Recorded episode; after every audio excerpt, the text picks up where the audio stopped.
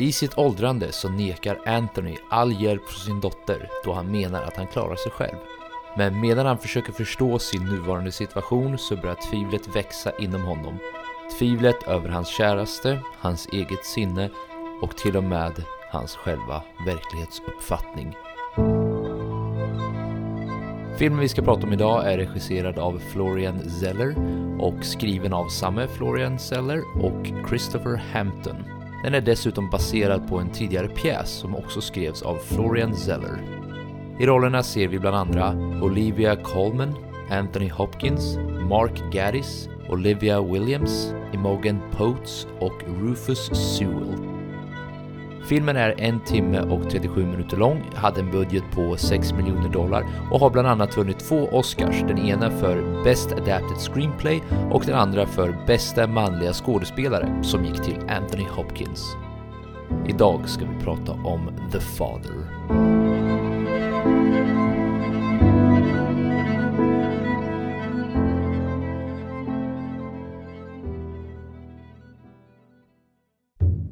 I never waited for anyone who was late more than 10 minutes in my life. I'd say 15. 15's right. No, 10. Someone has to die in order that the rest of us should value life more. You've been putting it up your whole life. You just didn't know it. Now, are you a rusher or are you a dragger or are you going to be on my fucking time? Rancid apple core, two worm eaten banana peels, a moldy rice cake, a dried up pickle, tin of sardine bones, a pile of broken eggshells, an old smushed up cotton gizzard with maggots all over it. Okay, it's worth it. Nobody's civil anymore. Nobody thinks but it's like to be the other guy. Finns det plats för en till eller? Har du snott den efter det? God is the father and God didn't show up. Turn it down. God, I mean, who the fuck are you? he's a squirrel. Take the fucking money. Take the fucking money. Take the fucking money. Sometimes a lady likes to have some fun. Hallå igen allihopa och välkomna till ett nytt avsnitt av Spoilervarning med mig, Joel Keskitalo och ständigt trevande i sin feberyrsel så försöker han att hitta någonting solid och hålla fast sin identitet kring. Han är inte någon annan än, Benjamin Gabrielsson. så vitt vi vet i alla Ja, en fall. fin, fin presentation. Jag tänker Får det. in, får in feberfrossan där i allting Mm. också. Varför nämnde jag feberfrossan? Kan det vara värt att nämna i början? Ja, det kan vara värt. Jag har legat sjuk, jag har haft en så, så kallad klassisk influensa, alltså inte Mm. covid av något slag, det har jag testat mig för flera gånger, men en klassisk influensa som inte verkar ge sig, så att jag har legat hemma och varit ganska sjuk faktiskt, men börjar bli bättre nu, så det är ändå skönt. Det är skönt. Så om Benjamin låter risigare än vad han brukar göra, och en, let's be honest, han är lite av en risig människa generellt, så vet ni varför i alla fall. Oh ja, tack. Men idag du, så ska vi snacka om eh, The Father. Ja, som du har valt, hur Ja. kom det sig? Alltså, det är ännu en sån där så väldigt uppenbar anledning. Har varit på tal jättelänge. Mm. Tanken var väl att den skulle visats och promotas och allt det här långt innan covid, eller inte långt innan, men precis innan covid började. Eh, den är ju trots allt från 2020. Mm. Men på grund av covid, ja, vi behöver inte gå in på alla de konsekvenserna, det vet ni alla vad som har hänt, så har ju den då inte kunnat visats. Eh, och den har ju då blivit först aktuell bara nu de senaste Ja, kan man säga månaderna ändå? För den har ju ändå varit ute ett Ja, litet tag, eller? Jag har Exakt. fått för mig det i alla fall. Jo, men det får man ändå säga. Ja, nej men så det är en sån där film som har legat och puttrat i bakgrunden hela tiden och som jag har velat eh, se obviously, alltså Anthony Hopkins, han vann en Oscar för den, det- den har ju varit väldigt omtalad liksom, så ja, det var på den vägen det var. Den här, den kändes väldigt sevärd och eh, det lilla jag blev spoilad innan var ju handlingen om att det skulle handla om en då dement, eh, vilket var så här, ja men det här kommer nog vara jävligt intressant att diskutera hur den än landar. Liksom failar den så kommer det vara intressant att diskutera varför och lyckas den så är det ett intressant ämne att tugga om. Så på den vägen var det. Ja, det var kul. Ja, så ska vi bara djupdyka in i den. Vad, vad har vi för tankar om filmen? Ja, men jag kan börja. Jag Ja. tycker ju att det var en eh, väldigt fin film på många sätt, eller väldigt stark kanske är nästan ett bättre ord. Alltså jag blev väldigt tagen av den här filmen.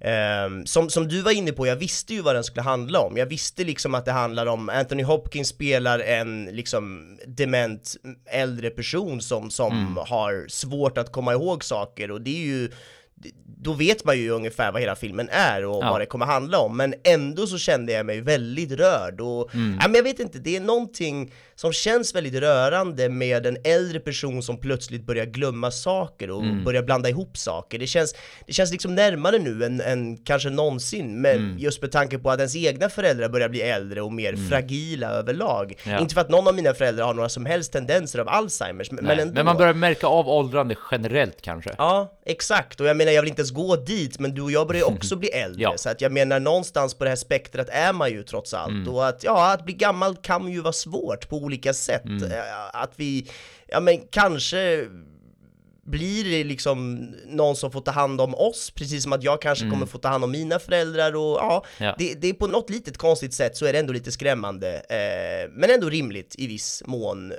såklart. Mm. Och, och kanske oundvikligt. Jag menar, tiden sätter sina spår. Det, det, det är något med det här, hela den här känslan av att Mm. oundviklig hjälplöshet som kommer på olika sätt nog att drabba oss. Ja. Alla liksom, mer eller mindre. Och eh, ja, men vi, vi, vi, vi ska ju alla bli gamla, det, det är sanningen. Det, det kommer vi inte ifrån. Och eh, vi kommer också få det svårt att ta hand om oss själva såklart, och så kommer det finnas någon kanske empatilös robot som ska hjälpa oss här i framtiden. Och, och du vet, så, så tänker jag på att mina föräldrar och att man borde ha träffat dem oftare. Och så känner man, ja sådär ofattbart ensam och utelämnad Mm. till en ny, snabb, modern värld som, som jag kanske liksom inte Ja. kommer känna mig så hemma i någonstans. Nej. Jag vet inte, eller så är det något helt annat som kommer dyka Mm. upp liksom om 70 år när jag ligger skrupplig någonstans. Ja. Kanske mindre, vem vet? Men ja, Mm. jag vet liksom inte ens själv vad, vad det är jag svabblar om här, eller svamlar om. Jag, Jo, men det, tycker jag ju. Eller du kanske inte vet, men du svamlar om intressanta saker i alla fall. Ja men det är någonting med det här liksom scenariot och den Mm. här känslan jag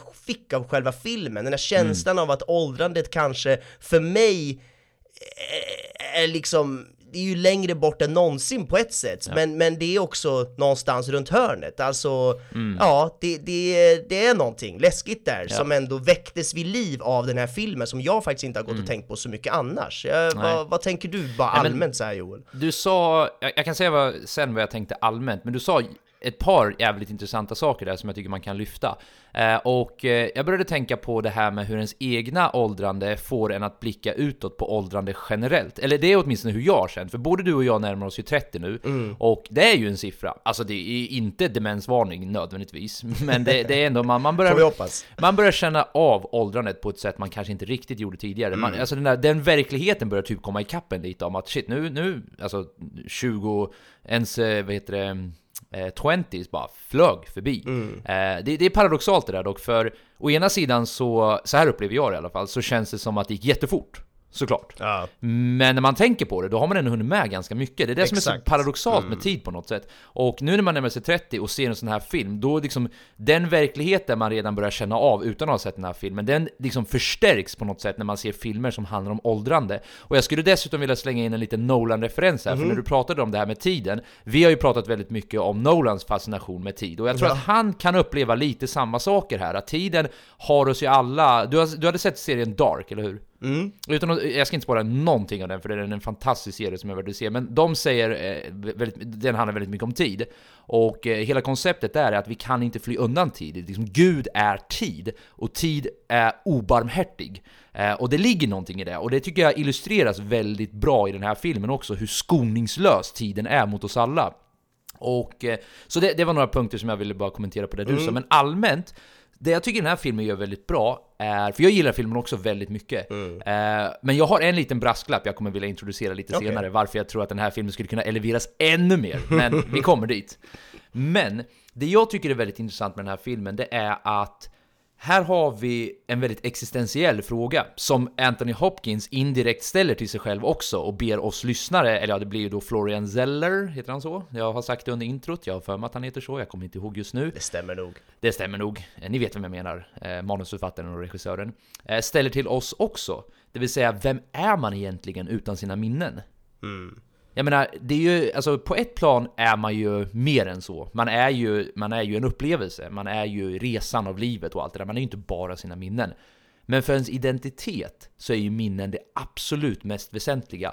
För om jag skulle fråga dig, vem är du Benjamin? Vad skulle du svara då? Om du, om du bara skulle få en sån fråga, hur skulle du beskriva dig själv i korthet liksom? V- Vem är du Benjamin? Ja, men jag skulle väl börja med att dra några skämt om att jag är kort och mitt utseende, alltså du vet att jag börjar i den änden. Sen Mm. förstår jag att frågan är liksom, handlar inte om hur jag ser ut och så börjar man kanske mer och mer gå in lite mer på vem man är. Men Ja. ja, det är en, såklart en svår fråga att svara på. Mm, ja, men det blir ju mycket så här, ja men jag heter det här, Ja. jag är uppvuxen här, jag arbetar med det här, du vet allting av det här är ju någonting, det är ju tankekonstruktioner som bygger på minnen hela tiden. Så vad händer händer då när man tappar alla de här tankekonstruktionerna? Jo, då hamnar man ju i det här tillståndet som Anthony Hopkins är under filmen, att han tror sig vara helt säker på vem han är, och han tror sig veta vem hans omgivning är, men ju mer hans omgivning reagerar konstigt så läser han ju av det och tänker vänta här nu, vad är det som händer egentligen? Och sen ena dagen så ser han vem han tror är sin dotter, vilket visar sig kanske inte alls vara hans dotter, varpå han ser någon annan som han absolut inte tror vara sin dotter, men det är hans dotter. Vilket blir ju då väldigt skrämmande. Alltså, för jag menar, jag, jag trodde nyss att jag hade kontroll på min verklighetsuppfattning, och jag, alltså det mest fundamentala är väl troligtvis vem min fucking dotter är. Ja. Alltså jag menar, jag har, ju, jag har ju uppfostrat den här personen. Hon har varit med hela mitt liv, eller hela, jag har varit med hela hennes liv. Ja. Och jag menar, kontakterna och minnena jag har av den här personen är det är en hörn, som de skulle sagt i Westworld, det är en cornerstone, en hörnsten av min ide- identitet. Så vad händer när den, när den hörnstenen totalt rubbas? Ja, återigen, det- det är ju det vi då får se i den här filmen. Så jag tycker det är ett väldigt eh, uppfriskande på ett väldigt mörkt sätt, för det är ju inte uppfriskande i att det är någonting som vi gläds över direkt. Men det är uppfriskande att se demens porträtteras från den dementas perspektiv. För väldigt många gånger så har jag upplevt det att man får höra väldigt mycket om det runt omkring. Och liksom 100% förståeligt och det är i all ära, för jag menar det drabbar ju dem runt omkring väldigt mycket. Och jag menar du och jag sitter här och reflekterar, vi är ju runt omkring så att säga. Men det var uppfriskande att få se det från den dementas perspektiv. Och verkligen se den här förtvivlan och se hur, ja men att man bara försöker klamra sig fast vid någonting till slut. När inte ens din egna miljö, när inte ens din egna hemmamiljö kan få dig att känna dig trygg. Alltså det, till slut så finns det ju ingenting att hålla, hålla dig kvar på då längre. Och jag tycker det illustreras väldigt bra i slutet på filmen när Anthony Hopkins karaktär bara bryter ihop totalt. Och han säger I don't know what's going on anymore. Liksom, vet du vad det är som händer alltså? Och han säger att hans, jag tror han har någon, säger någonting i stil med att hans löv faller bort från trädet och blåser iväg med vinden. Ja. Eh, jag tycker det är ett väldigt poetiskt sätt att beskriva det på. Att det, Mm. det, det, han tappar helt enkelt verklighetsuppfattningen. Så eh, jag tycker det var det mest fascinerande här att få, få Alltså det här har man ju typ, man, man har ju typ säkert kunnat förstått det här om man tänkt på det. Alltså det här med att man, en, en dement tappar verklighetsuppfattningen och allt det där. Men det känns som att den här filmen fick en att verkligen ta till sig av den insikten av att ja, absolut, men har du verkligen funderat på hur djupt det faktiskt är? Och hur tragiskt det faktiskt är? Så det tycker jag porträtterades otroligt bra av, eh, ja, genom den här filmen och speciellt då av eh, en så här masterful performance av Anthony Hopkins. Ja men verkligen, jag, jag håller med. Det är intressant det du nämner där, det här med sjukdomen demens och Alzheimers, alltså att det, att man pratar väldigt mycket, eller väldigt ofta så pratar man om liksom de nära anhöriga situation. Och det tror jag beror mycket på att i många fall så lider de kanske ännu mer för att de blir ju bortglömda medan den här dementa personen mest går runt och tänker ah, ja, det, vem är du? Och så lever de sitt liksom ganska eh, enkla liv då som, som, som de har kvar i sina minnen. Men, men det jag tycker, det jag också gillar, jag tror att vi är lite inne på samma spår här, men det jag verkligen också gillade med den här filmen är att den inte försöker berätta för oss om Alzheimers eller demens. Den, den försöker liksom inte visa hur, hur bra minne den här personen hade först och sen hur dåligt det blev. Och den försöker inte göra det här med att det ska handla bara om, om de här eh, nära och kära som, som jag precis nämnde, som ofta kanske får det väldigt tufft, utan Nej, precis. Det känns som att det väldigt många andra filmer redan har gjort just det, utan den, det den här filmen istället gör är ju Ja men den är liksom tagen ur den här sjuka personens hjärna, Ja, att vi, vi bara också kastas in får... i hans situation. Exakt, vi får ju också hoppa runt mellan olika tidpunkter, olika personer, olika sanningar och osanningar och missförstånd och så vidare och det blir väldigt intressant. Vi, Mm. vi får ju ta del av den här personens liksom dagliga tankar och vart han befinner sig och med vem han Mm. befinner sig. Ehm, samtidigt som han liksom försöker, ja men pussla ihop i varför och vem de här personerna är och vart hans tavlor är eller vem hans dotter är och Ja, tack vare att vi i publiken egentligen inte ens vet speciellt mycket mer än vad han gör. Nej. Vi, vi- vet att han är någonstans på skalan på väg mot total demens, men vi vet inte exakt vart Mm. vi är på den här skalan och vi vet inte exakt vart eller när någonting av det vi ser händer. Nej, vi tror att vi vet, i alla fall till en början, men sen förstår vi ju att det här kanske kan vara, du vet, när som helst för att vi är lika Ja. vilsna som personen vi följer här och Precis. ja, jag själv eftersträvar ju ofta realism i filmer, Mm. Ehm, i nästan alla filmer, för, för även filmer som, som inte är realistiska i sig, alltså typ inom fantasy-genren och så, Ja. eh, ja men det, det kan ju ofta känna att man får eh, element av realismen då, alltså att den här världen de har byggt upp känns trovärdig och att de Mm. Precis. förhåller sig till sina egna regler av verklighet utifrån vad just den världen nu, vad de nu har målat upp för verklighet där. Exakt. Eh, och här i The Father så, så, så är det ju redan en hyperrealistisk värld. Jag, men, jag menar situationen och scenariot är ju redan väldigt verkligt i sig. Ja. Och det blir således en del av den här genomgående re realismen här. Eh, men att sen ta det liksom ytterligare några steg till. Eh, och det är alltså här som jag tycker att de har lyckats så bra. Alltså att vi som publik får följa med på den här jävligt morbida resan längs med demensens, ja men nattsvarta väg. Ja. För, för, för att på så vis se och försöka förstå hur den här mannens väldigt diskontinuerliga och, och eh, fragmentariska tankar och minnen rör sig och fungerar. Ja. Det blir så jävla äkta, ja, men realistiskt då i brist Ja, på ett bättre verkligen, ord. Och dessutom så är det ju inte minst ett ja men extremt slagkraftigt sätt att berätta på. Mm, verkligen. Så att det var ju väldigt mycket det jag tyckte om med den här filmen helt enkelt. Mm. Ja, du sa en eh, grej tidigare där som jag tycker vet du, var väldigt bra att du nämnde också. Det är ju hela det här konceptet med en opolitlig berättare. Ja. Eh, och vi har ju sett det, eh, man har läst det i böcker tidigare, vi har sett det i serier, vi har sett det i filmer och så vidare. Men jag älskar ju det här konceptet. Jag tycker det är bland det mest eh, spännande sättet att ta sig an en story. Att man har en berättare som man under resans gång mer och mer börjar förstå att vänta här nu, det är, det är någonting som inte stämmer här. Eh, den här berättaren verkar få detaljer fel. eh, Och upprepar detaljer som inte verkar stämma. Eller, eller stämmer de? Eller är det bara jag som inte riktigt hänger med?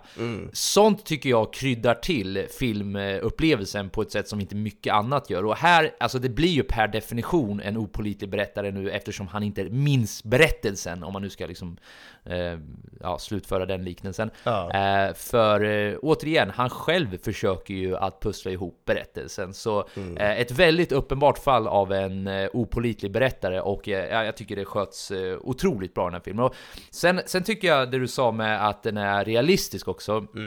Eh, jag, jag håller 100% med.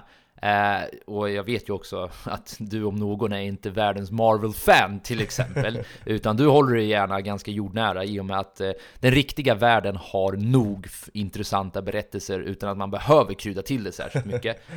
Men med det sagt, jag har faktiskt en liten idé om hur den här filmen, eller här- man, man kanske inte ska säga den här filmen, för den här filmen tycker jag gjorde det den liksom ville göra. Men jag har en idé om hur den här filmen skulle kunna eleveras ännu mer om man nu verkligen vill fånga den här upplevelsen. Och ytterligare trycka på den här tväräkta realismen.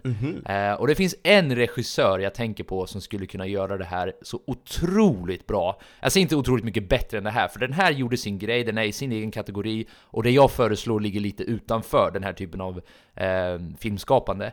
Och eh, kan du gissa vilken regissör jag tänker på som skulle kunna lyfta den här till ett, helt otroliga höjder?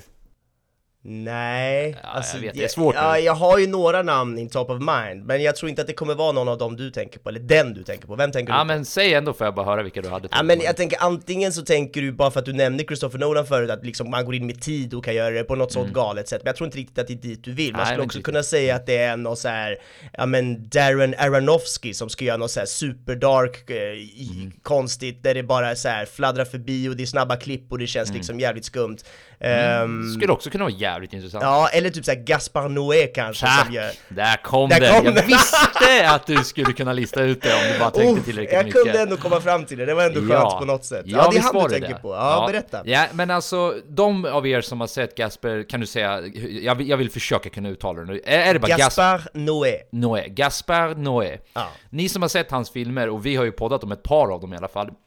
Ni vet hur han gillar att arbeta med extremrealism, mm. kommer jag kalla det nu under resten av podden. Och den tanken jag fick under filmen var, okej, okay, väldigt rättvist, eller återigen, jag har inte varit den här sitsen, men det kändes som en väldigt rättvist porträtterande av demens. Mm. Eh, men det fick mig också att tänka, om man skulle löpa hela linan ut med den här typen av porträtterande, hur häftigt vore det inte att ha ett enbart första persons perspektiv, precis som man gjorde i Enter the Void. Mm. Att man bara följer det från det perspektivet och då få se de här förändringarna. Mm. Alltså att se den världen verkligen från den personens ögon. Alltså i Enter the Void, då får man ju för fan se till och med när de blinkar. Alltså ja. så detaljrik Otroligt är han i, i, ja den är helt otrolig den filmen.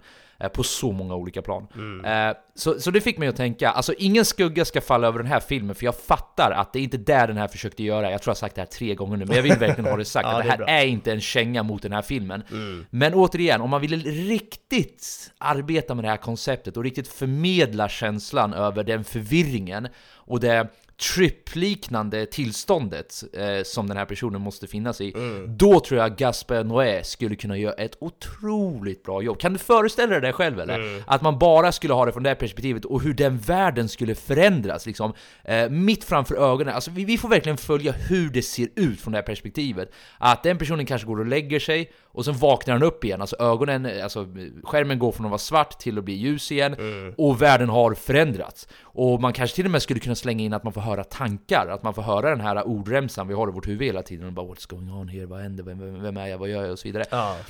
Jag vill bara höra lite snabbt dina tankar. Hur, hur, tror du att det skulle kunna landa? Vi ska inte fastna i den nödvändigtvis, för det går lite ifrån den här filmen. Men jag, jag, vet det, jag, jag ville bara leka lite med den tanken. Har, har, du något spontant eh, utifrån det jag sa nu? Nej men jag tycker det är jättespännande. Jag, jag älskar idén och jag älskar tanken av att Gaspar Noé ska ta sig an en sån här typ av film. För att som du säger, han skulle verkligen kunna göra något sånt här Eller hur? galet och bra. Och jag tror att det kan bli, ja, men det, det, skulle nog kunna bli hur bra som helst. Jag tror inte ens det finns ett tak på hur bra det kan bli. Mm. Det, det enda jag tänker på är ju precis som du säger att det blir ju något helt annat. Det kommer ju liksom vara en helt mm. annan film, det kommer inte ens vara samma publik. Nej. För jag menar den här publiken känns ju som framförallt folk kanske jag vet inte, 50-60-plussare som går iväg mm. på liksom Biorox i Örebro och kollar på den här filmen, lite så känns det, mm. nu generaliserar jag. Ja. Men skulle Gaspar Noé göra den här filmen, då hade ingen av de personerna som har sett The Father sett filmen, utan då är det en Nej. helt annan typ av publik som, ja. som, ja, är liksom, ja men kanske mycket smalare i sin filmsmak och gillar något mörker,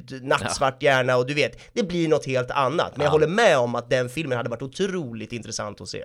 jag började skratta bara för att när du sa att det skulle vara till en annan publik, då flash flashade förbi så scener av, av de filmerna. Ja men typ Irreversible med så här ja, långa våldtäktsscener som man mår piss ja, ja, av och inte ens vill se för fan. Nej precis, nej det, det skulle bli en helt annan arena då. Men eh, lik förbannat så, jag tyckte det var en kittlande tanke att tänka hur, hur långt man skulle kunna ta det konceptet. Verkligen. Men jag vill föra tillbaka lite till den här filmen då. då. Mm. Eh, det jag tyckte de gjorde väldigt bra också, det var hur världen vi befann oss i var uppbyggd. Mm. Eh, för jag tycker man hela tiden fick känslan att de jobbade väldigt mycket med mönster, mm. väldigt mycket med färger, väldigt yeah. mycket med miljö, väldigt mycket med alltså då olika rum. Mm. Eh, de, basically jobbar de väldigt bra med världsuppbyggandet mm. i den här filmen.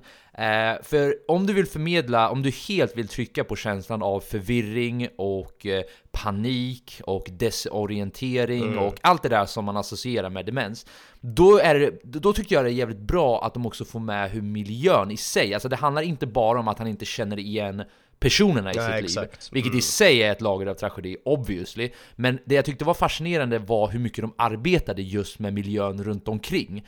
Eh, som då som sagt, alltså det var ju ganska oklart ibland vart man än befann sig. Ja. Alltså, är vi i hans lägenhet? Är vi i hennes lägenhet? Är vi på sjukhuset? Är vi på ett ålderdomshem? Eller ja, ålderdomshem blir det ju då egentligen. Mm. Eh, så jag slänger ut det lite spontant. Har du några tankar om miljöuppbyggandet i den här filmen? Mm. Jo men absolut, verkligen. Och jag har ju en del som jag kommer komma in på det på det tekniska, så jag funderar mm. nästan på om jag ska spara den poängen tills då, eller? Mm, men det kanske är bättre i så fall att, eh, att vi håller det till det tekniska. Jag slänger bara ut det tills vidare bara för att jag vill lyfta upp att eh, jag tycker att, den, eh, att det var en viktig del att få med mm. och jag tycker de gjorde det jäkligt bra också. måste jag säga. Verkligen, verkligen. Men jag har en liten brasklapp jag ändå skulle vilja slänga in här, som är lite olik mig kan jag tycka, för jag, nu, nu, nu pratar jag lite emot vad jag vanligtvis faktiskt brukar tycka är riktigt nice med filmer. Mm. Och jag gillar ju när de, jag har ju sagt till dig tidigare att jag gillar inte när filmer försöker ta sig an för mycket. Innan du och jag spelade in podden så nämnde du The Dig, vilket ni kan gå tillbaka och lyssna på. Mm. Eh, där du och jag inte alls är överens om det här med att eh, hur mycket en film, eller just den filmen specifikt, eh, kan ta sig an. Ja. Jag tyckte den tog, försökte ta sig an lite för mycket, du tyckte att balansen verkade perfekt. Mm. Så egentligen säger jag emot mig själv lite här nu när jag säger att den var ju inzoomad, Mm. och jag gillar att den var inzoomad. Men jag ville ha lite mer av allt. Mm. Eh, och om jag ska vara helt ärlig så har jag faktiskt inte tänkt klart den här tanken riktigt än, utan jag, jag tänkte att jag kan utforska den lite med dig. För det första tyckte jag, när, när den var slut så blev jag lite så här, jaha, var det allt? Och, och med det, nu kan det låta väldigt så här nedtryckande att, vadå, tyckte du inte att det... För jag, jag tycker det, jag tycker det som levererades var väldigt bra. Mm. Men samtidigt fick jag känslan av att, jaha, det här var allt då eller? Eh, alltså jag, jag förstår återigen att vi ska vara i, vi är i en specifik loop kan man ju Mm, säga. Vi är mm. inzoomat på en loop som han befinner sig i och då kanske man inte kan utvidga det allt för mycket. Men det känns lite som att det var någonting jag lämnades med, med, med så att jag ville ha mer av någonting och och jag, jag vet inte riktigt vad det var jag ville ha mer av, om det var fler skådespelare, om det var fler scenarier, om det var fler minneshopp. Jag, det, var, det var bara någonting jag tyckte saknades. Kan du försöka? Jag, jag, jag, förstår att du inte känner det här, eller jag vet inte om du känner det här, men jag får känslan av att du inte känner det här. Men eh, kan du försöka hjälpa mig här? Vad, vad var det jag ville ha mer av egentligen? Ja men det är en bra fråga, för jag- jag, förstår verkligen vad du suktar efter här, samtidigt som, som du nämnde där, jag, känner inte riktigt så, jag tyckte den här filmen var ganska lagom, jag, Mm. kände ju att den, det den försöker berätta så använder den tycker jag, lagom stor mängd av, ja men du vet, skådespelare, antal skådespelare och även platser och personer och allt. Jag, ty- jag tyckte balansen var väldigt bra, jag tycker det funkade eftersom vi verkligen skulle in i hans huvud, alltså Anthony, Anthony passande att han heter Anthony som skådespelare Mm. Ja, och i filmen. Tack, Mm. tack så mycket för Yes. all confusion vi slipper. Eh, nej men så att, eh, det, jag- jag, tycker verkligen att det funkade bra med, med, med hela det upplägget. Men jag är med på vad du menar och jag förstår vad du tänker, men jag tror ju nästan mer att du är lite sugen på Gaspar Noés variant här, det är liksom Kanske det. är Du, du är sugen på Ja. Några lager till, du vill ha, du, du vill ha ytterligare ett mindfuck-lager eller kanske ytterligare Mm. en så här what the fuck-känsla på att det hände, det var någonting mer än det det var. Och Mm. i det här fallet så tror jag att den här filmen, som jag var inne på, är mer gjord för liksom Mm. en, en, en publik som kanske är 50-60 plus Mm. och som, som själva liksom tycker att det här är nog med bollar att ta hand om. Mm. Medan du kanske är lite mer inne på ja, Gaspar Noé-hållet då om han ska bli Mm. liksom metaforen här eller liknelsen. Men ja, jag vet inte. Det, det, jag, jag tror helt enkelt att det är det. Du kanske inte är Mm. exakt rätt målgrupp för den här filmen, vilket gör att därför söker du Mm. dig till, till någonting mer än vad som kanske fanns där att hämta. Ja, men jag tror det ligger någonting i det du säger, för nu medan du sa det här, då kommer jag att tänka på filmen Memento. Och eh, det är ju en film som, alltså, mm, påminner ju lite om den här, men absolut inte, alltså jag vill inte dra någon stark jämförelse, Nej. men ni som har sett Memento, ni förstår vad jag menar. Och den tycker jag ju tvärtom levererade, alltså det, det är en av de det är väldigt sällan jag använder ordet perfekt, men för mig är det så nära perfekt du kan komma när det kommer till både filmskapande men också så här riktigt djupa existentiella koncept och hur, hur du väljer att illustrera det på filmduken.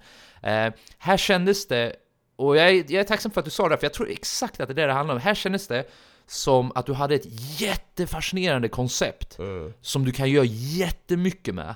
Men det kändes som att för min egen tillfredsställdhet så kom vi kanske 70% dit. Och jag lämnades lite med att ah, nu när vi ändå är här, kunde vi inte bara dragit ut de där sista 30 minuterna? Men jag känner mig samtidigt som att jag har lite av en kognitiv dissonans, för å ena sidan så tror jag, jag vet inte om det skulle bli bra heller, utifrån de parametrar som den här filmen jobbade med. Och eh, ja, jag ber om ursäkt nu om det låter väldigt luddigt, det är för att jag tänker i realtid här nu. Jag har inte, jag har inte liksom tänkt klart de här tankarna, så jag hoppas att ni kan finna någon sorts uppskattning i det. Men eh, jag måste samtidigt vara ärlig med att jag kände att det var, för mig personligen, jag ville ha mer av det helt enkelt. Och det är precis som du säger, det kanske var det att jag ganska tidigt in i filmen började tänka på Gaspar Noé och tänkte då vad han hade kunnat gjort med den här.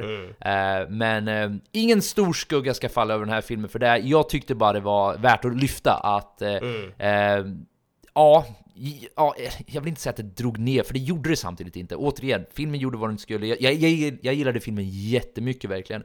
Men om det är någonting jag måste nämna, som sagt, så är det nog att eh, um, det kanske, eller, ja, jag ville ha lite mer av mm. det här. Jag, jag, jag, tar den positionen att jag hade nog velat ha lite mer av den här äh, mm. förvirringen, komplexiteten, det existentiella och så vidare. Ja, nej men eh, intressant att du säger det och jag, jag, köper verkligen det, för jag ser den potentiella filmen du målar upp där också framför oss och hur, hur intressant och spännande och, och liksom djup och knäpp på ett bra sätt den hade kunnat blivit. Mm. Det jag någonstans faller tillbaka mot här är att vi Ja men dels att den här filmens målgrupp känns mm. långt ifrån Gaspar Noé-målgruppen och, även, och även för att den här filmen på något sätt, den ska in här i, i Anthonys huvud och det, i hans huvud så är det det här som sker. Det är liksom inte djupare, det är inte mer galet, det är inte crazy, utan det här är det och det är den ja, det är ganska stora förvirringen han känner kring de här ganska mm. Eh, simpla vardagssysslorna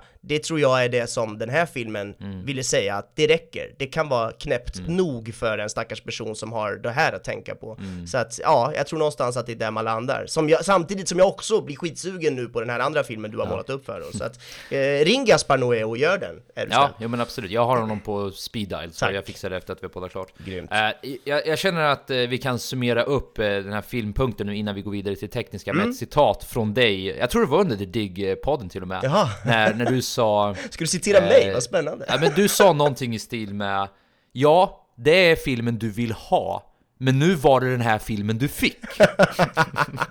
ja, faktiskt. Det var någonting åt det hållet, så ja, jag köper det absolut. Men jag, jag, tycker samtidigt att det är värt att lyfta den här alternativa filmen som jag har i mitt huvud. Ja.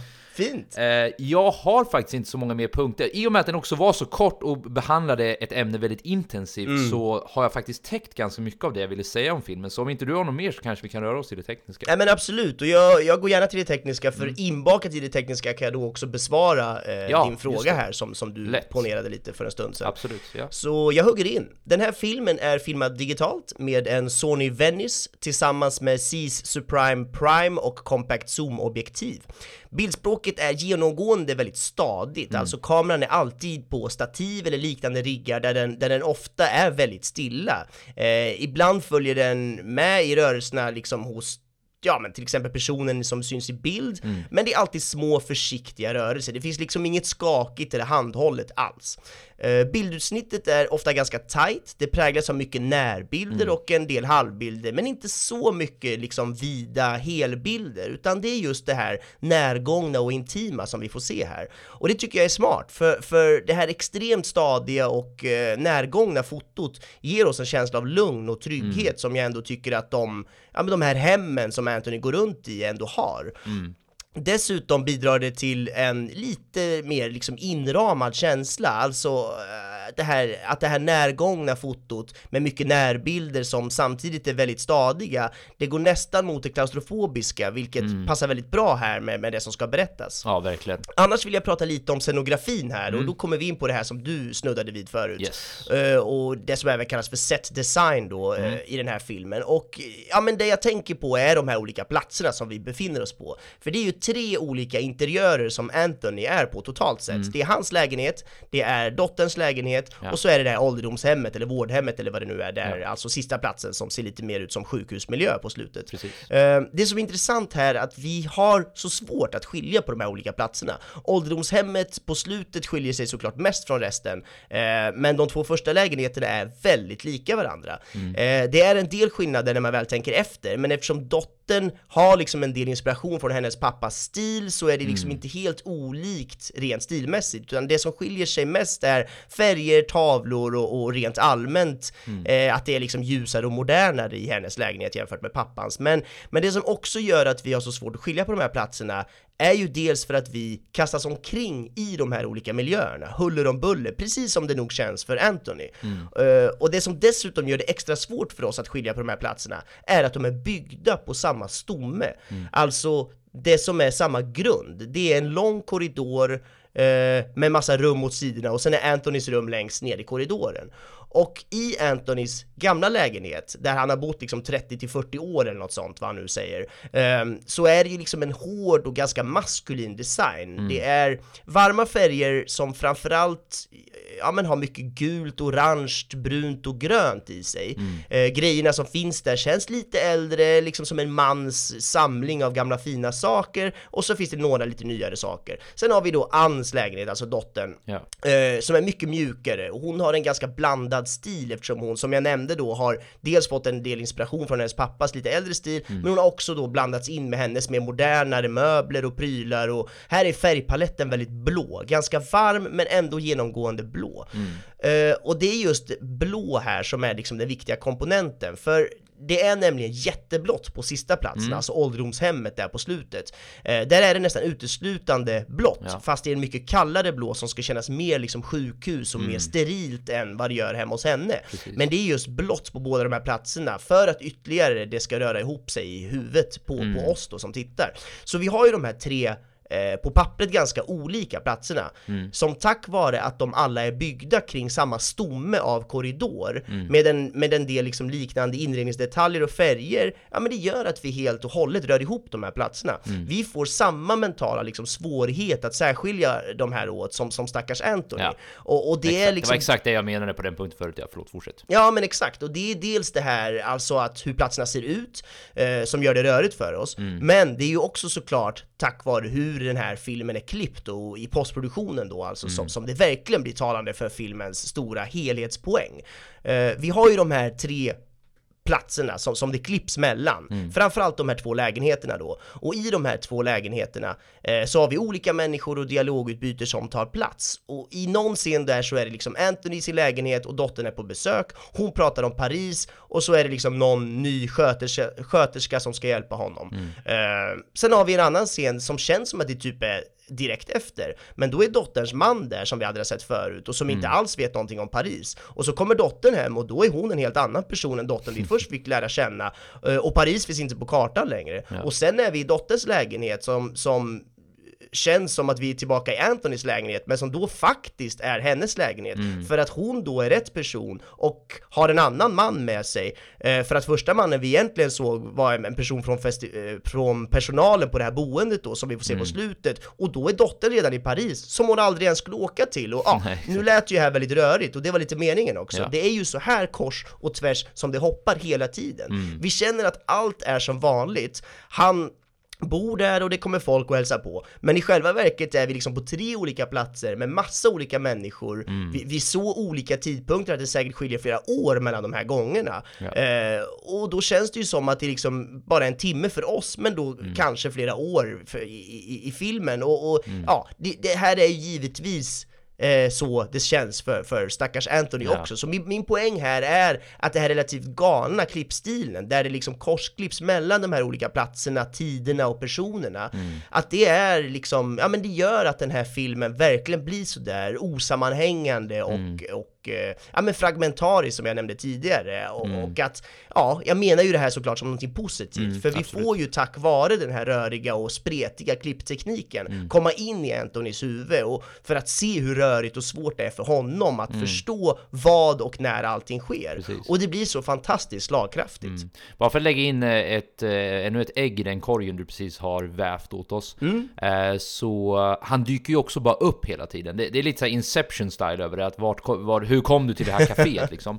Eh, och eh, det lägger ju ännu, det, det, lägger ju till ännu mer i den här förvirringen att vi, vi, vi har liksom ingen kontext på hur han kom till det här rummet han kom till eller varför han är där eller liknande utan mm. han ploppar ju bara upp liksom för det är ju precis så han också upplever det så ja. jag ville bara slänga in den också att det var en punkt jag hade skrivit upp som, som jag glömde nämna tidigare men som jag tycker passar väldigt bra här att eh, ja, man, man, man bara är med honom helt plötsligt och han försöker orientera sig utifrån de förutsättningarna för han minns ju inte hur han kom till det scenariot som han befinner sig i. Mm. Ja men verkligen, och jag vill egentligen bara kanske accentuera som jag brukar säga, alltså understryka en mm. punkt till här som jag redan har varit inne på. Men just det här med, med uppbyggnaden av de här, ja men av de här lägenheterna, alltså mm. att det byggs de är byggda utifrån samma korridor. De har Mm. en korridor med massa rum och sen har de byggt om det och liksom gjort det i de här olika, eh, ja men dels sjukhuset och dels hennes lägenhet och dels hans Mm. lägenhet. Men alla de är byggda från samma korridor så att vi ska ju verkligen känna oss mindfucked när vi går runt där. Ja. Vi ska ju inte fatta vart vi är just nu och det har de lyckats så bra med tack vare att de har byggt det här utifrån samma studiokuliss från början så att säga. Mm. Jag har grävt fram en liten eh, eh, intervju här i textformat Mm. där,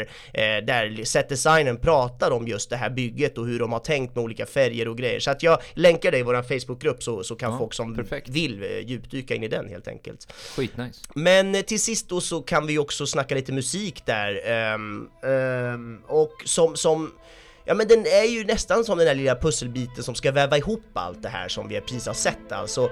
Dels så har vi den här diegetiska musiken så, som även karaktärerna i själva filmen hör. Och då syftar jag ju på musiken som Anthony lyssnar på när han till exempel lyssnar på opera med sina hörlurar och sånt där. Eh, och det sker kanske ett par gånger under filmen totalt sett. Vilket då blir den här liten paus för vår karaktär som då lyssnar eh, själv på, på musik helt enkelt. Men sen har vi såklart den icke-diegetiska musiken, alltså musiken som bara vi som tittar på filmen hör, så kallad filmmusik.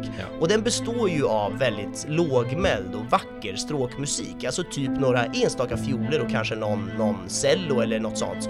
ehm, som alltså kommer in då och då för att bara få in oss i rätt stämning. För musiken är ju ändå tämligen sparsam, det, det är liksom inte så mycket musik och, och, och det liksom ligger inte på och tar över på något sätt, Nej. utan det är istället långa partier i filmen då vi inte hör någon musik alls och sen när musiken väl hörs så är det för att ge oss som tittare en liten paus. Vi ska få kontemplera och försöka förstå vad, vad, vad det är vi har fått sett här och Ja. ja, vi, vi ska själva få andas ut efter att försöka pussla ihop Antonys röriga tillvaro. Så att det, ja, jag tycker det funkar väldigt bra här i alla fall med musikens försiktiga ifyllnad av det vi, vi nyss har fått sett. Det är väldigt vackert och stämningsfullt om inte annat. Ja, jag håller med 100%. Ehm, men då, med det sagt, skulle vi kunna snacka lite skådespel där. Eh, och du nämnde ju där, vi har ju en Oscarsvinnare, i, eh, Anthony Hopkins, och även Oscarsnominerad då Olivia Colman som spelar dottern. Precis. Så att vi kanske börjar i den änden, eller vad känner du? Ja, eh, ja men det är ju svårt att, eller det är omöjligt att inte prata om Anthony Hopkins Verkligen. och hans... Eh, alltså han är, ju, han är ju bra i det absolut mesta han gör, ärligt talat. Eh, och för att inte säga allt, alltså han är, han är verkligen en natural. Men det jag börjar fundera på, och utan att psykologisera honom allt för mycket, men jag undrar hur det måste vara för honom att spela en sån här roll.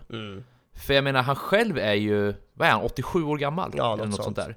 där. Eh, och att då spela en dement person som dessutom heter Anthony, och jag kommer komma in lite på trivias varför han heter Anthony också. Ja, kul. Eh, det, det måste vara en kuslig upplevelse. Eller så är det inte det. Han kanske, han är en som professionell kan jag tänka mig att han har väldigt lätt att separera vad som är vad. Men, eh, men eh, han gör ju ett fenomenalt jobb. Han är ju hur bra som helst verkligen. De andra, eh, Olivia Colman får ju en hyfsat stor roll i filmen också, får man ändå säga. Eh, och hon gör ju också ett fantastiskt Verkligen. jobb. Eh, jag, jag föll för henne, eller vad man ska säga, på, under The Favourite. Ja, Eh, där, där tycker jag hon var helt fantastisk. Sen dess, Så jag blev glad när jag såg att hon skulle vara med i den. Ja, precis.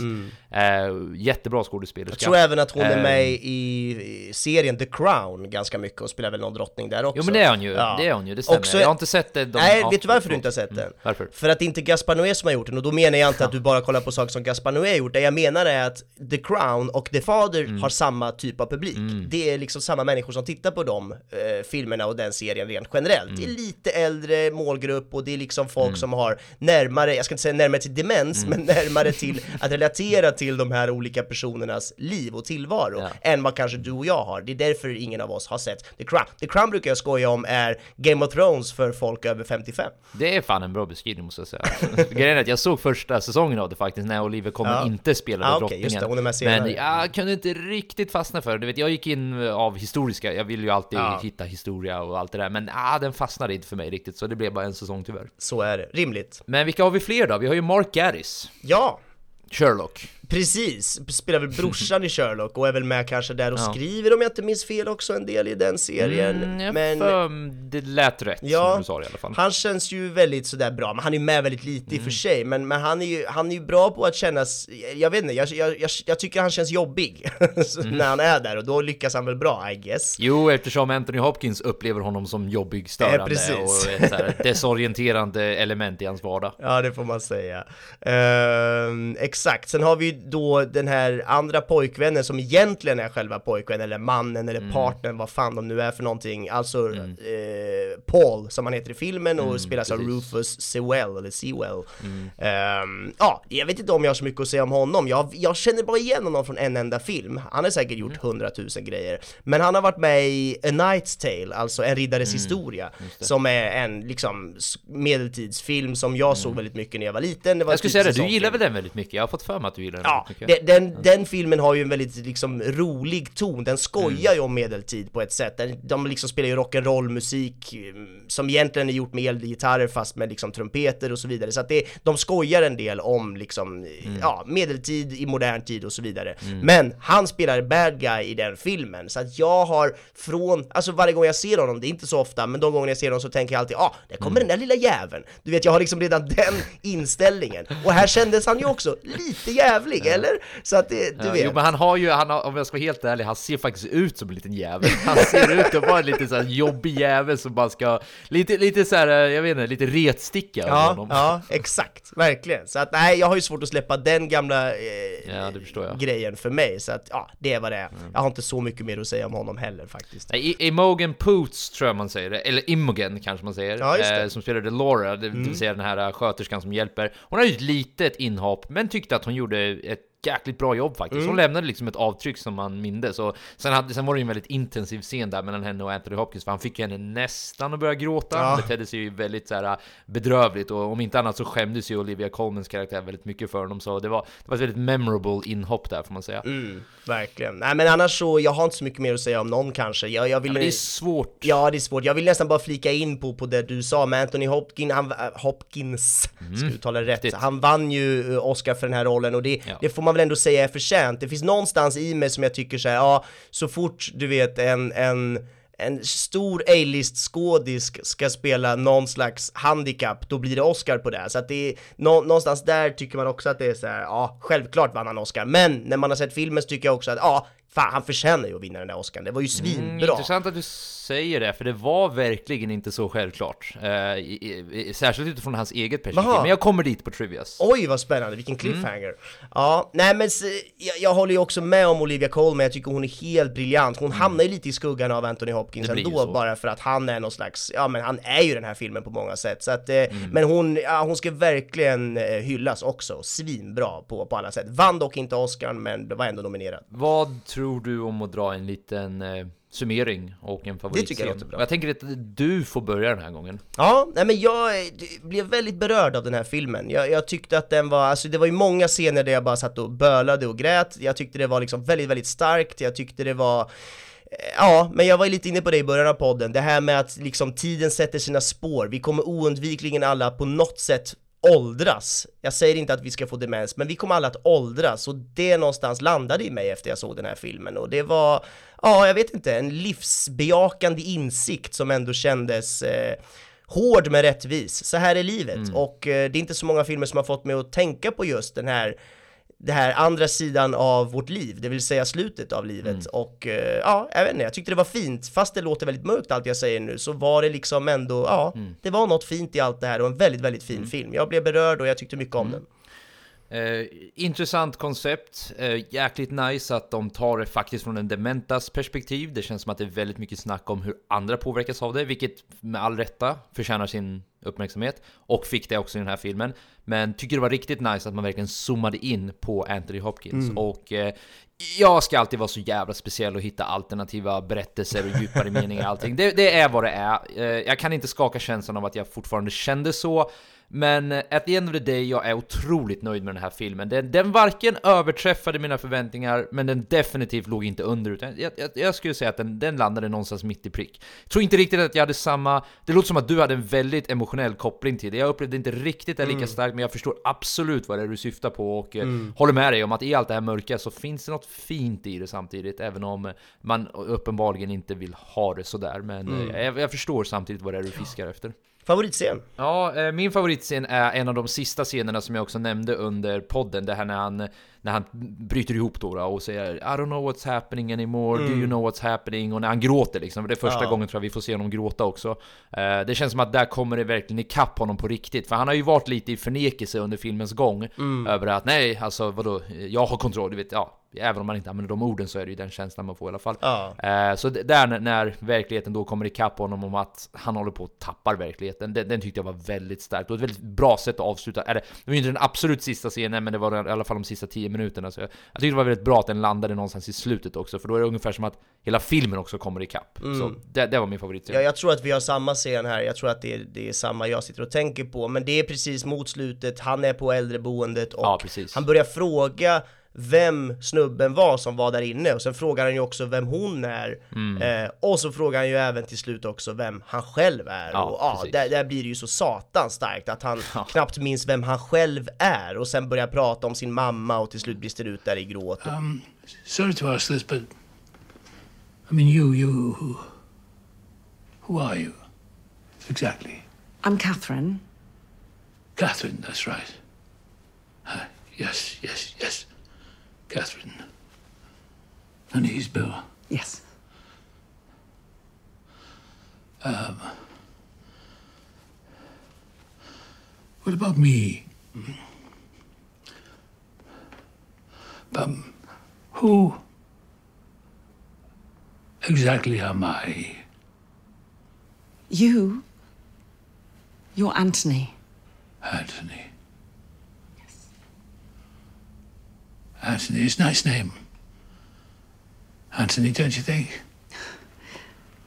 It's a very nice name. Ja, nej, det, det, där är jag helt färdig. Det var ju så, liksom, så jävla sorgligt och mörkt på något Mm. sätt. Men fint i allting också, konstigt nog. Så att, ja, nej, väldigt, väldigt fin och stark scen som jag också landar i. Alright, men då, då går vi vidare till lite trivias då om filmen, lite rolig fakta. Mm. Så det, det finns väldigt mycket kopplingar till just skådespelaren Anthony Hopkins och karaktären Anthony Hopkins. Mm. Och eh, en av grejerna, en liten, liten detalj bara, är att eh, någon gång under filmen så säger ju Anthony, ja då karaktären Anthony, att han är född den 31 december 1937, vilket också är riktiga Anthony Hopkins eh, födelsedag. Vad sjukt! Det är inte en slump nej, utan Florian Zeller han eh, letade specifikt efter Anthony Hopkins eh, för att spela den här rollen. Ja. Så 2017 så skickade han en förfrågan och eh, väntade då på att få svar. Och tanken var egentligen att han skulle börja produktion tidigare, men han ville bara ha Anthony Hopkins, så han satt och väntade på att han skulle svara då. Och om han inte skulle ha svarat, då bestämde han sig för att då kommer han göra filmen på franska istället. För det, det ska ju nämnas att det här är ju en fransk pjäs Mm. som den är eh, baserad på. Just det. Och det här är ju då också varför karaktären heter Anthony, för att den är specifikt skriven för Anthony Hopkins. Ja. Alltså i pjäsen var den inte det, men i filmen var den det. Så den, det här är verkligen Florian Zellers dröm om att ha fått jobbat med Anthony Hopkins och att då få göra en film som verkligen är baserad på just den karaktären. Så väldigt fint att det projektet liksom drogs igång. Mm. Och nu ska jag då berätta varför det inte var så uppenbart att Anthony Hopkins skulle vinna Oscar. För det här var ju det året när Chadwick Boseman, Boseman skulle... eh, Chadwick Boseman är ju han som spelade Black Panther i... Just det. eh, Mm. Ja, Black Panther Som gick bort va? Som gick bort, ja precis. Ja. Och... Eh, Säg vad man vill om det, ifall det nu skulle väga upp varför han skulle vinna det. I don't know, I don't care, det är inte det jag ska gå in på nu, men jag vet att de tankarna kanske går igenom i era huvud, huvud nu, lite så här Heath Ledger-style, att ja, fast Ja. nu förtjänar det han det i och för sig i alla fall, men ja. I alla fall, Anthony Hopkins, han var helt övertygad om att han inte skulle få bästa skådespelare då, utan att det skulle gå till eh, Chadwick Boseman. Så han dök inte ens upp på, eh, på ceremonin, utan han var kvar i Wales. Det var ju också under pandemi Eh, och- också, ska man lägga till. Ja, precis, Och han är ju gammal också, så det finns ju en riskgruppsfaktor där. Precis, ja. Och, eh, men istället så försökte han få, han frågade producenterna om det fanns någon möjlighet ifall han kunde dyka upp genom Zoom. Mm. Men eh, de tyckte att det bröt alldeles för mycket med eh, tradition så de sket i det. Men mot Oscars-traditionen så annonserades bästa, eller bästa skådespelarpriset sist. Mm. Efter då bästa filmen, det brukar vara i annan ordning. Mm. Eh, och det här var också, producenterna erkände sen i efterhand att det här hade att göra med att de också förväntade sig att Boseman skulle vinna och att ceremonin då skulle, hela ceremonin skulle avslutas med att hans, eh, Bosemans familj då med tårar i ögonen skulle komma upp och acceptera Ja. Jag kan inte låta bli att skratta nu för allting blev ju fail då i så Ja det fall, blev men, jättefel, jag tycker också, Ja. vad, vad, vad satt hans familj och det var liksom, gjorde sig redo Ja. på det här och ja Ja, ja, exakt. Det, Det det, är konstigt. perfect storm i så fall. Att, jo, men, men jag är inte helt klar än. Eh, Så Hopkins hade dessutom gått och lagt sig. Ja, så, lille gubben. så när han, vad heter det, när, när, så mot allas förväntan, när det annonserades då att det är han som fick den, så fick Joaquin Phoenix rent spontant bara gå upp Ja. och acceptera den åt honom. Så när Anthony Hopkins vaknade morgonen efter och... Många eh, missade samtal Många missade samtal och eh, ja, han fick bara agera impulsivt. Så han gjorde ett så här uh, acceptance speech genom Instagram där han Ja. erkänner rakt av att alltså jag hade ingen aning om att det var jag som skulle vinna och sen spenderade han faktiskt fint nog får man ändå säga en eh, ja, ett par minuter med att ge, liksom ge beröm till Boseman, vilken fin skådespelare och Mm. vilken människa han verkar ha varit och allt det där. Så Fint Ja, det var därför jag sa att det inte var så uppenbart att han skulle vinna, för Anthony Hopkins förväntade sig fan mig inte det. Nej, vad intressant. Det var kul att du säger det. Jag hade helt glömt bort den här aspekten av, av Oscarsgalan överhuvudtaget. Det var ju en Oscarsgala som överlag hamnade lite i skymundan Ja, på grund av så så mycket pandemi och För oss så också. konstigt filmår. Ja, men du vet, all, Ja. det var ingen riktigt som... Det kändes som att den Oscarsgalan fanns liksom inte riktigt. Nej, precis. Konstigt och den, den var ju också den lägst eh, eller rated, så ja, det, det, Var Ja. ju inte, det var ju objektivt sett som du säger att den hamnade lite i skymundan. Ja, blev så. Konstigt år. Och eh, Anthony Hopkins då, då han eh, är ju då, genom att ha vunnit den här bästa skådespelaren så är han den äldste någonsin som har vunnit Mhm. en eh, bästa Oscar. Och han slår då Christopher Plummer, Ja. som tidigare vann vid eh, 82-årsåldern för filmen Beginners som kom 2010. Och eh, n- nu ser jag här att Anthony Hopkins är ju då 83 och inte 87 som jag sa först. Nej men precis, det är roligt. En liten kort instickare också om att Mark Gaddis bildade tydligen en väldigt stark relation med Anthony Hopkins under inspelningen och eh, de brukade sitta i timmar där Anthony Hopkins fick berätta ja, berättelser från hela sin karriär, ge liksom tips och tricks i skådespelaryrket och allt det där. Vilket i mitt huvud så ser det lite som att eh, Anthony Hopkins typ säger adjö nästan. Alltså nu, nu vet jag att det låter väldigt mörkt och det är ju inte nödvändigtvis så, men jag, jag fick känslan av att han satt där och liksom summerade upp hela sin karriär till en yngre skådespelare som nu ska liksom axla manteln eller vad man ska säga. Nu är ju inte Mark Addis här, det här 19-åring direkt som precis ska börja sin karriär, utan han är ju en etablerad skådespelare, men det var Ja. bilden jag hade i huvudet i alla fall. Ja. Men det är kul att de två verkar, för de hade inte träffat varandra tidigare tydligen, så de två verkar ha bildat en stark relation i alla fall. Ja men intressant och också med tanke på att Anthony Hopkins, att den här rollen var som skriven för honom, Mm. att han heter sitt eget namn, är född sin egen födelsedag, Mm. liksom det är som att de, de själva på något sätt, filmskaparen och Anthony Hopkins liksom, ja hela filmen känns som att det är så ja, in, inte, inte liksom, nu, nu ska Anthony Hopkins få demens och inte Mm. vara skådis längre, men typ som att liksom säga, ja det här, nu är det slutet på en Ja karriär. exakt, nu tar vi Känns lite som nu tar det. farväl. Ja. Ja. Nej men eh, jag håller med dig, jag får också den känslan. Det här kanske, tänk om det här är Anthony Hopkins sista film innan han själv går in i någon sorts demens. What the fuck? Ja, vem vet? Ja, men, eller bara inte orkar göra film längre. Ja, det kan är vara jävligt också. Mm. krävande att vara skådis såklart också. Men det kommer ju alltid finnas några såna här roller för en 86-åring. då. Han, 83. han kommer liksom inte spela 23 längre, men det är han nog med på också. Ja. Och eh, med den här vinsten då, då alltså den här eh, bästa skådespelarvinsten, så är Anthony Hopkins den första som offentligt har gått ut med att han har autism. Att han är ju då Aspergers syndrom. Och eh, han må ha vunnit en Oscar tidigare för När lammen tystnar, 2000, Mm. eller 1991. Men då hade han inte gått ut med eller jag tror inte ens att han hade blivit, diagnostiserad då som Asperger, Mhm. men han hade i alla fall inte gått ut med det. Så min fråga blir till dig, visste du att han hade Asperger? Nej, visste Inte jag jag inte. heller. Jätteintressant. Ja, jag fick det avslöjat genom den här trivian, så ja, kul info. Mm. Och en sista då. Olivia Colman, hon eh, fick sin andra Oscars-nominering eh, och eh, det var precis efter att hon vann en för The Favourite. Och i båda filmerna så heter hennes karaktär Anne. Eh, vilken rolig liten connection där. Ja, roligt. Och med det så eh, tycker jag att eh, det blir ju du nu som får berätta Ja. vad nästa poddavsnitt kommer handla om. Så take it away, vad har vi för upcoming? Nästa film kommer att bli The Power of the Dog. Okej. Mm. Som alltså går på Netflix just nu.